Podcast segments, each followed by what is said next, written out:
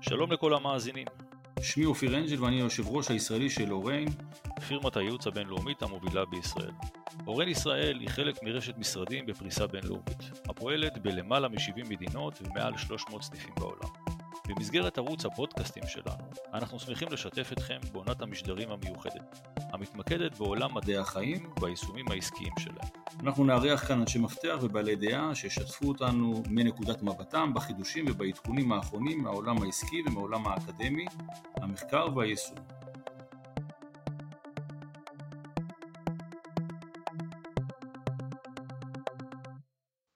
יחד איתי נמצא רואה חשבון יניב אנג'ל, השותף המנהל של חטיבת המיסוי הבינלאומי באורן ישראל. שלום יניב. שלום אופיר. היום אנחנו שמחים לארח כאן את אבי אביטל. אבי שלום. שלום, בוקר טוב. אבי יספר לנו על קינן רוחני ורישום פטנטים בעולם הפארמה. קצת על אבי. אבי בעל ניסיון של יותר מלמעלה מ-30 שנה באיסוף ועיבוד מידע, מחקר וניהול בתחומי הכימיה והביולוגיה. החל את הקריירה המקצועית שלו בצה"ל, מספר שנים כמנתח מערכות וראש צוות תוכנה ביחידה 8200 ולאחר מכן למעלה מ-15 שנה באגף המודיעין. בתפקידו האחרון כראש ענף כימיה וביולוגיה בחטיבת המחקר באמ"ן. במסגרת תפקידו זכה אבי פעמיים בפרס ראש אמ"ן לחשיבה יוצרת. לאחר פרישתו מצה"ל הצטרף אבי למשרד בן עמי ושות', אחד המשרדים המובילים בארץ לעריכה ורישום פטנטים. במהלך השנים הפך אבי לשותף מוביל במשרד. אבי עוסק בעיקר בכתיבה ובטיפול השוטף בבקשות פטנטים ברחבי העולם בתחומים שונים, כמו הכימיה האורגנית, ביוכימיה, ננוטכנולוגיה, אנרגיה חליפית ומכשור רפואי ועוד. שלום אבי, אנחנו שמחים מאוד לארח אותך כאן היום. שלום רב. אז אה, בואו נתחיל. אבי, נשמח אם תספר ותפתח תסביר לנו כיצד הרקע הצבאי שלך תורם ליכולת ולאופן העבודה שלך כעורך פטנטים. אוקיי, אה, לדבר על הצבא היום אה, למעלה מ-15 שנה אחרי שעזבתי אותו זה זורק אותך ככה קצת אחורה, אבל זו תמיד תקופה שכדאי לחזור אליה וכיף להיזכר בתקופה המאוד אינטנסיבית מבחינתי. במסגרת התפקיד שלי באמן מחקר הייתי בעצם אחראי על ניהול הנחיה והובלה של מכלול המחקר המודיעיני כמובן בשילוב גורמי קהילייה נוספים בתחומי הכימיה והביולוגיה ובכלל זאת עסקתי בתכלול ובעיבוד מידע מדעי ומודיעיני מורכב ומגוון בניתוח והערכת פעילויות מחקר, פיתוח וייצור בכלל זאת של תהליכים, של מערכות, של מתקנים כימיים וביולוגיים בהנחיה ותיאום מקצועי של פרויקטים מעבדתיים שבוצעו במכוני מחקר מובילים בארץ בייזום ובמעורבות ופיתוח שיטות מתקדמות לאיסוף ולהפקת מידע מודיעיני בתחומי הכימיה והביולוגיה. מעבר לזה ניהלתי ועדות מייעצות שכללו מומחים שונים מתחומי ידע הן מדעיים והן הנדסיים והשתתפתי בפורומים שונים של מקבלי החלטות וייעוץ וכמובן הנחיתי דיאלוג מחקרי עם עמיתים שונים ברחבי העולם. ההתמודדות אה, עם תהליכי ייצור בצד השני שמתנהלים במדינות האחרות שלפעמים מתבצעים באופן שונה מזה שמוכר לנו ומזה שמוכר בקרב הקהילייה של אנשי המקצוע הרלוונטיים במערב. מצד אחד וההתנהלות מצד שני מול אנשי מקצוע בארץ שהם מובילים בתחומם אבל לעיתים אה, בעצם מענו לקבל את האפשרות שתהליכים מתבצעים באופן שונה מהותית מזה שמוכר להם חייבו אותי לאורך הדרך לפתיחות מחשבתית, כמו שמצופה מכל אדם שנמצא במחקר שכזה, ליכולת להציף שאלות מנחות ולעיתים להתעקש על דברים שלא היו מובנים מאליהם. בתור דוגמאות אני יכול לציין מספר דברים אה, שמתייחסים הן לכימיה והן לביולוגיה, אה, למשל בתחום של הכימיה, ניסיון שוטף להתמודד עם בעיות יציבות במהלך אחסון, אה, חומרים כימיים סובלים מדגרדציה במהלך האחסון וכאשר אתה מנסה לייצר אותם ולאחסן אותם וגם להתמודד עם הניסיון להסוות את הדבר הזה, אתה נאלץ להתמודד עם קשיים נוספים שמאלצים אותך להיכנס לכל מיני אסטרטגיות של ייצור ושל טיפול בחומר באופן שוטף. ניסיון להתגבר על קשיים בהשגת חומרי מוצא שנמצאים בפיקוח, אני מזכיר שהאמנה הכימית נכנסה לתוקף בשנות התשעים וכאשר היא אושררה על ידי חלק מהמדינות באזור שלנו הם בעצם נכנסו לאיזשהו מודל עבודה שהיה עוד מסובך יותר מבחינתנו למעקב מבחוץ, שבמסגרתו בעצם או ניסו לעקוף את האמנה בצורות שונות, או ניסו אה, לפתח בעצם תהליכי ייצור שהתבססו על חומרים שנמצאים בפיקוח שונה או לא נמצאים בפיקוח בכלל, במטרה בעצם להקשות על היכולת החיצונית לעקוב אחרי פעילות לא חוקית שכזו שמתנהלת בתחומם. היו כיווני מחקר נוספים גם שנעשו במדינות שונות באזור שלנו, וניסיון למשל אה, להימנע מהחזקה שוטפת של חומרי לחימה כימיים, למשל באמצעות ייצור של חומרי ביניים, כאשר החומר הסופי מיוצר בשלב מסוים סמוך לעת השימוש. הדברים האלה כולם מתבססים על תהליכים שהם לא תמיד מוכרים, וכדי לאפשר אותם נדרשו לפיתוחים שלפעמים היו יצירתיים במידה רבה, מה שגרם בעצם לקושי נוסף להבין מה בעצם מתנהל בצד השני ולעקוב אחריו. בתחום הביולוגי באופן דומה אני יכול לדבר על אה, שכלול ויכולות ייצור של הצד השני של גורמי מודל, כאשר הרצון הוא בעצם לא לייצר את החומר הביולוגי האמיתי באופן שוטף. וכמובן אה, פיתוח ושימוש בתהליכים ביוטכנולוגיים שבעיקרם אינם מקובלים לייצור אה, גורמים ביולוגיים, אני מדבר על תהליכים ש... או שימוש בתשתיות שכאשר תשאל איש מקצוע מצוי בתחום הביולוגיה, הוא יגיד לך זה בכלל לא רלוונטי בתחום שלנו, תהליך שכזה לא הייתי מצפה לראות בעבודה עם גורם כזה או אחר. כל הדברים האלה בעצם מייצרים קשיים, ואני מנסה לומר שבעצם הניסיון הזה שרכשתי במהלך השנים להתמודד עם כל הקשיים האלה ולהתמודד עם אותם אנשי מקצוע שבעצם ייעצו לי מצד אחד אבל מצד שני לעיתים הערימו קשיים בתהליך או אתגרו את התהליך, מאפשר לי בעצם להביא היום לעיסוק שלי כעורך פטנטים בתחום מדעי החיים והפארמה בפרט הרבה יותר מאשר ידע פורמלי בתחום הכימיה והביולוגיה, כזה שנרכש למשל במסגרת הלימוד והעיסוק האקדמי. כלומר במילים אחרות היכולת להבין את התחום המדעי במידה שמתאפשר, כמובן שכל עורך פטנטים מגיע מאיזושהי דיסציפלינה ספציפית והוא אף פעם לא יכול להיות אה, מומחה גדול בכל אחד ואחד מהתחומים. אבל היכולת להבין את התחום המדעי במידה ומתאפשר אה, היא בעצם רק חלק מהעניין. לא פחות חשובה היא היכולת להיכנס לנושא שאינו מוכר כמובן, להבין תהליכים ותשתיות שאינם מעבר לרמה המעבדתית, שבה אתה נתקל בעולם האקדמי, והיכולת להבין את המשמעויות ולעיתים הקשיים שכרוכים בגמלון של תהליכים בתחומים האלה לכיוון התעשייתי, לייצור הנרחב, כולל היבטים נוספים שנמצאים במעטפות, טיפול בשפכים, אחסון של חומרים, כל הדברים האלה, פיזור של חומרים בצורות שונות, הדברים האלה וכמובן הפתיחות לקבלת וריאציות על תהליכי ייצור שאינם בהכרח מוכרות אפריורי כל אלה בעצם אה, מסייעים לי נכון להיום בהתנהלות השוטפת שלי. אז כל היכולות האלה, כמו גם היכולת כמובן, בוא נאמר, לדלות מידע מבין השיחה, שזה אה, התמקצות אחרת שנובעת מהעולם המודיעיני, מאפשרות לי בהתנהלות עם הממציא לקבל תמונה טובה ולעיתים שלמה יותר של ההמצאה.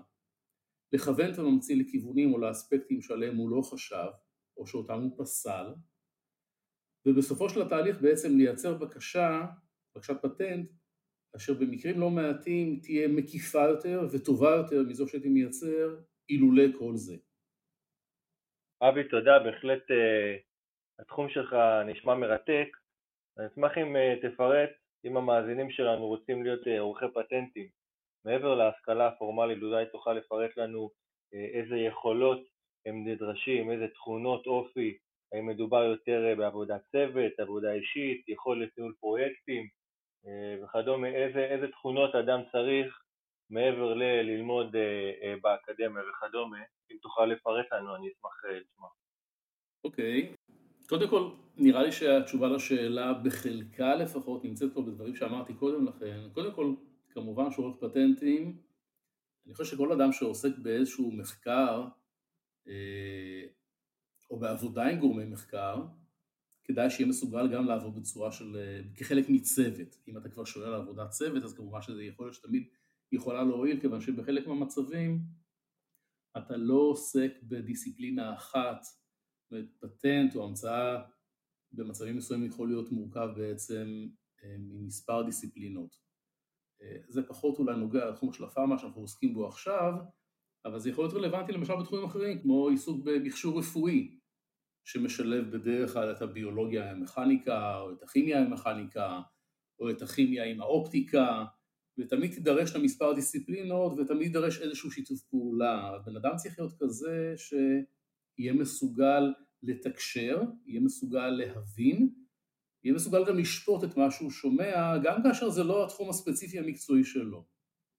אבל אם מדובר על תחום של הפארמה, אני רוצה טיפה להרחיב בזה, בוא נאמר עורך הפטנטים המצוי במרכאות בתחומי הכימיה וביולוגיה, בפרט בארץ אבל לא רק אני חושב, אה, על פי רוב יהיה אדם שסיים תואר שני או שלישי באחד התחומים הרלוונטיים, לעיתים הוא יהיה אחרי פוסט דוקטורט אחד או יותר, ומסיבות כאלו או אחרות הוא מחליט בסופו של דבר לבצע הסבה ולעבוד כעורך פטנטים.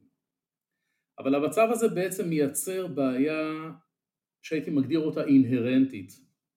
היות ואותו עורך פטנטים, למרות העובדה שהוא עשוי להיות בעל ידע מקצועי מאוד מאוד מרשים בתחום הספציפי שבו הוא התמקד במהלך השנים, וצריך לזכור שככל שאתה לומד יותר ויותר אתה בעצם מפתח את עצמך, אבל בנישה יותר ויותר צרה, אותו בן אדם הוא בעצם נעדר כל ניסיון בעולם התעשייתי או העסקי. והיכולת שלו להבין את הצרכים ואת האילוצים של לקוח שמגיע אליו, מהעולם האמיתי בעצם, הינה בוא נאמר על פניו לא גבוהה. עורך פטנטים אה, לדעתי חייב להיות רלוונטי ללקוח שלו. הוא בדרך כלל, הלקוח בדרך כלל יהיה אה, מבקש הפטנט, הוא צריך לדעת להבין את הצרכים שלו. כאשר הדבר הזה לא מתקיים, מה שיכול לקרות זה בעצם שהמבקש יכול למצוא את עצמו בקלות עם בקשת פטנט שמגדירה באופן לקוי את ההמצאה שלו. וצריך לזכור ולהבין שהמבקש הוא לא תמיד בעמדה שהוא מסוגל להבין את מה שהוא קורא בבקשה, השפה היא בדרך כלל שפה משפטית ולפעמים מורכבת, לא שפת הדיבור המצויה, גם לא של אנשי האקדמיה, או לחילופין, לחילופין הוא יכול למצוא את עצמו נאבק באופן מתמשך ולפעמים תוך הוצאות מיותרות לקבל איזשהו פטנט שבפועל לא עתיד לשרת את הצרכים שלו. הן בגלל שהתביעות בו צומצמו באופן שכבר לא מכסה את המוצר שעליו הוא נדרש להגן מלכתחילה, או לחילופין באופן שאינו מונע מהאחר לייצר או לשווק מוצרים דומים. אבי, בעצם אני מבין שהרקע האקדמאי הוא חשוב, אבל לפי מה שאתה אומר, הניסיון הוא כנראה הקריטי. אה, היכולת שלך אה, אה, להבין את הצרכים ואת המטרות של הלקוח ולהכיר את עולם הידע הזה. אולי תחדד לנו קצת איך נבדל תחום הפארמה מתחומים אחרים בנושא הזה של עריכת פטנטים.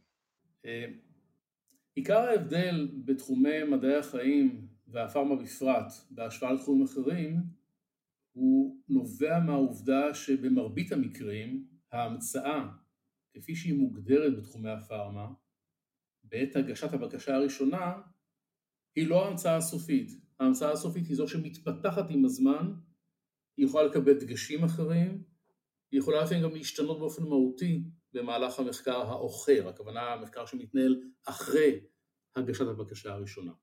לדוגמה, חוקר באוניברסיטה מפתח חומר כימי ומוצא כי הוא בעל פעילות מסוימת שעשויה להפוך אותו ליעיל לטיפול באינדיקציה רפואית מסוימת או באינדיקציות מסוימות.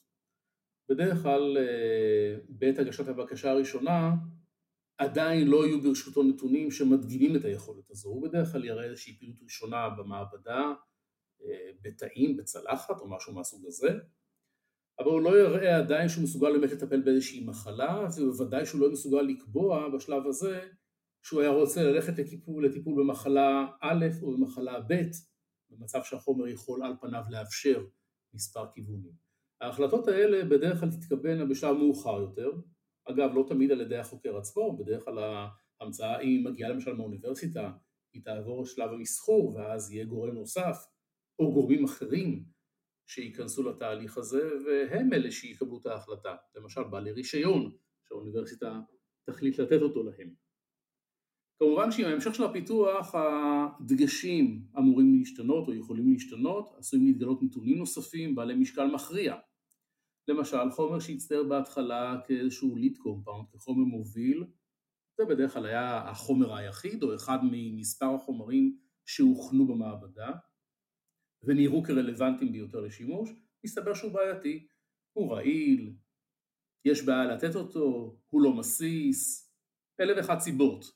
מצד שני חומר אחר שלפעמים אה, היה כבר בהתחלה, לפעמים לא היה בהתחלה בעת שהגישו בקשה ראשונה, מסתבר שהוא בכלל אה, עדיף מסיבות שונות וצריך לתת דגש עליו. לפעמים הפיתוח יכול לנבוע או להיות קשור לצורת המתן שמועדפת. אה, חשבו על מתן פומי דרך הפה, מסתבר שמתן אחר יהיה עדיף.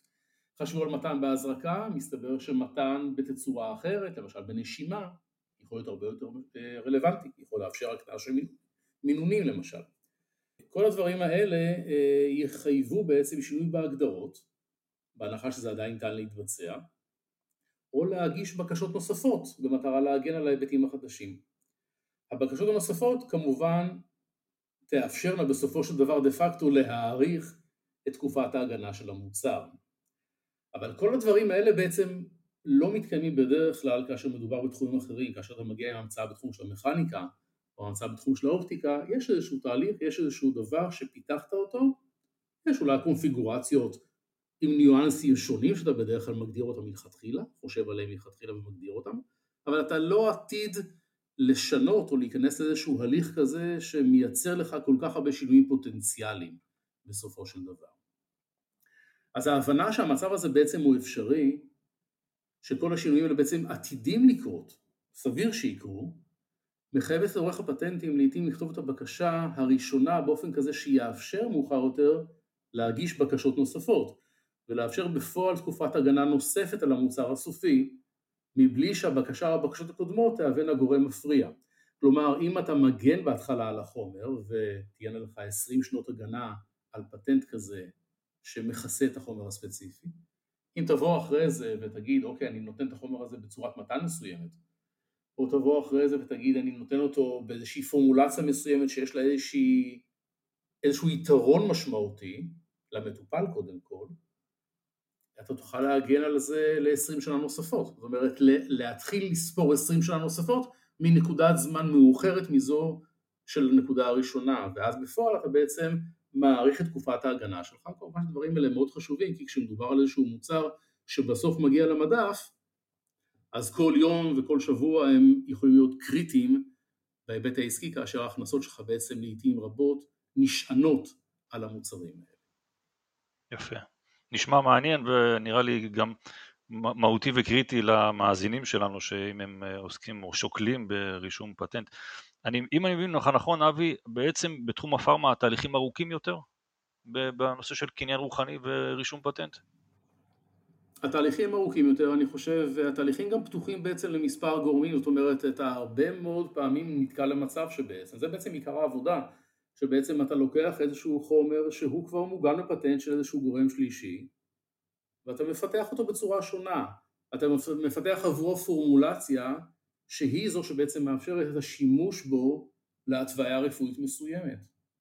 ואתה בעצם מקבל הגנה, אמנם לא על החומר כשלעצמו, אבל על אותה פורמולציה, שזה יהיה מוצר חדש על המדף בסופו של דבר, בלי שום קשר לעובדה שהחומר הזה כבר תואר בשעתו, ואתה תקבל עליו פטנט, ומישהו אחר יכול לבוא עם אה, בכלל אה, צורת שימוש אחרת, או שימוש משולב בחומר הזה, עם חומרים אחרים ביחד למשל, במטרה לטפל באותה התוויה או בהתוויות אחרות, כאשר השילוב יאפשר את זה, ושוב יהיה כאן משהו חדש לחלוטין. זאת אומרת, זה לא שיש לך איזשהו device מסוים שאתה מגדיר אותו מלכתחילה וכל ייעודו לעשות תפקיד מסוים. אתה בעצם נכנס לעולם, אתה נכנס למסלול שבעצם במהלכו או אתה כמאתחל של התהליך הזה, או כל גורם אחר שלישי יכול להיכנס בדרך ולשדרג בעצם את הפיתוחים שקיימים כאן ולייצר פיתוחים נוספים, וכל אחד יוכל לקבל פטנטים על דברים שהם היבטים שונים של אותו דבר בסופו של דבר. אבי, תודה על הדברים, בהחלט מעניין. תוכל אולי לספר לנו על אופן העבודה השונה מול לקוחות שונים בתחום שלך? כן, באופן עקרוני צריך להבין שהלקוחות בתחום של הפארמה יכולים בעצם להיות או האקדמיה, שבחלקה עושה פעילות די משמעותית בתחומי הביולוגיה והכימיה ומייצרת בעצם הרבה המצאות שבסופו של דבר תגענה למסחור ותעבורנה לידי בעלי רישיונות שיקחו אותם קדימה ולחילופין היא יכולה אה, להתבסס על פעילות שמתנהלת בחברות או סטארט-אפים, חברות קטנות שבדרך כלל תיקחנה איזשהו רישיון ממישהו ותפתח לה את הנושא קדימה או חברות גדולות שבעצם מנהלות עבודת מחקר שוטפת ומייצרות לעצמן שלב אחרי שלב בעצם איזשהו פורטפוליו של IP. אז ההחלטה באשר לאופן העבודה המיטבי מול לקוח מסוים בעצם אמורה להתקבל בשיתוף בין עורך הפטנטים ללקוח עצמו.